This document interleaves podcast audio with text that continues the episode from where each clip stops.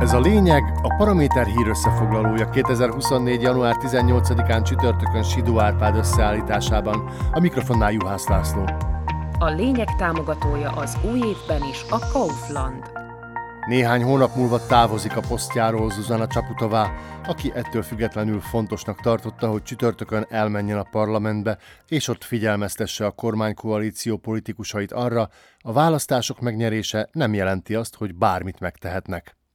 A köztársasági elnök nem óhajt újrázni, ezért nem is indul a márciusi választásokon a tisztség elnyeréséért, így kampányszlogenek nélkül mondhatta el a képviselőknek a kifogásait a kormány büntetőjogi csomagjával kapcsolatban.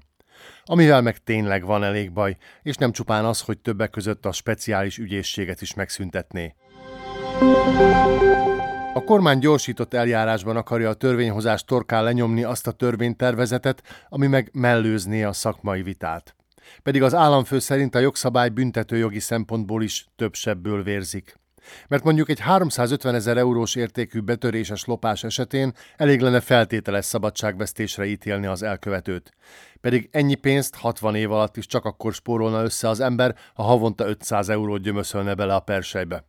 A leggyakoribb vagyon elleni bűncselekmények elkövetői meg akkor is fellélegezhetnének, ha a rablásukat bűnszervezetben követték el. A szlovákiaihoz hasonló kedvező büntetési tételekhez foghatót nem tartalmaz egyik környező ország büntető törvénykönyve sem. Aztán itt van még az elévülési idő megrövidítése is, ami miatt örökre büntethetetlenné válna több ezer már elkövetett vagyon elleni vagy gazdasági bűncselekmény, ami gyakorlatilag általános amnestiát jelent. Ezért aztán nem csoda, hogy ennek az egész reformnak az elhalasztását kérte a parlamenti képviselőktől Zuzana Csaputová. Még szerencse, hogy a parlament elnöke szerint a törvény második olvasatban még simán változhat, amivel összefüggésben azonban az államfő úgy vélekedik, hogy ez nem a kormány koalíció érdeme. Ha ugyanis nem lenne a politika és a nyilvánosság nyomása, a legnagyobb valószínűséggel mára már érvénybe lépett volna az új szabályozás, mert a koalíció eredetileg azt szerette volna elérni, hogy ez a csomag január közepétől kedveskedjen azoknak, akiknek vaj van a fején. A maga mögé mindenkit is felsorakoztató szlovák miniszterelnök természetesen visszautasítja Csaputová összes bírálatát, és a kormány just sem fogja visszavonni a büntetőjogi reformot, a speciális ügyészséget meg aztán mindenképpen meg akarja szüntetni. Minek itt egy olyan intézmény, amelyik a górék korrupciós ügyeivel szöszmötöl? A kormányfő elsősorban azt tette, amihez tényleg ért. A köztársasági elnök személyét támadta. Az ellenzék szóvivőjének nevezte, tárgyi kifogásait azonban nem cáfolta. Fico meggyőződése, hogy az elnöknek azokra a jogsértésekre kellett volna reagálnia, amelyeket az előző kormány idején követtek el az akkori kabinet emberei. A pártelnök a feje állítva a tényeket arról szónokolt, hogy nem fogadja el, hogy az államfő a bűn védelmezőjeként lépett fel a parlamentben, hiszen a 2023-ig tartó időszakban állítólag súlyosan sérültek az emberi jogok. Fico felemlegette a 2021-es őrizetbevételét, amikor tiltakozást szervezett a Covid intézkedések ellen, és a rendőrség bevitte kihallgatásra, mint az illegális rendezvény egyik szervezőjét mert akkoriban éppenséggel tilos volt hat főnél nagyobb létszámú rendezvényeket tartani.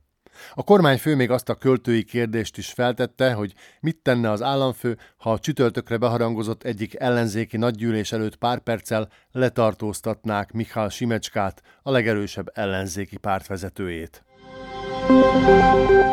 Peter Pellegrini, az emberarcú Smeres meg a sajtóosztályán keresztül üzent egy barátságosat, miszerint ő a parlament első embereként folytatja a tárgyalásokat a főügyésszel, az igazságügyi miniszterrel és más szakértőkkel, hogy a tárgyalások eredménye a büntető törvénykönyv lehető legminőségibb módosítása legyen.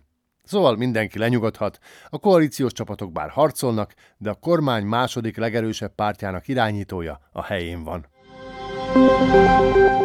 A legkisebb kormánypárt vezetője Andrei Danko is közölt valami olyasmit, hogy az SNS képviselői annyira nem csípik Csaputovát, hogy elhagyták az üléstermet, amikor az elnök asszony beszélt. Nem bocsátották meg az államfőnek, hogy a választásokat követően az egyik miniszterüket nem akarta kinevezni. De a nemzetiek vezetője akár a fejére is állhat, akkor sem feletteti, hogy még nem úszta meg a múlt heti közúti balesetét, amit valószínűleg piásan hajtott végre.